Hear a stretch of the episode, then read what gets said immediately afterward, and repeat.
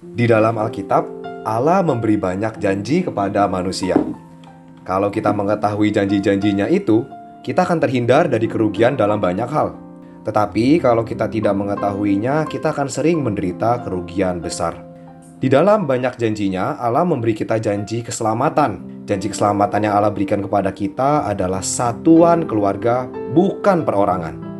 Lukas pasal 19 ayat 9 mengatakan, kata Yesus kepadanya, Hari ini telah terjadi keselamatan kepada seisi rumah ini. Tuhan tidak berkata bahwa hari itu keselamatan terjadi atas orang ini, tetapi atas seisi rumah ini.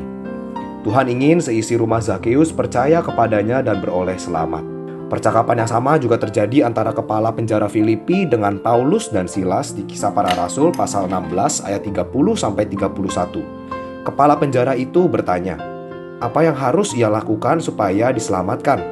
Rasul menjawab bahwa bukan hanya dia saja, tetapi juga dia dan seisi rumahnya akan diselamatkan.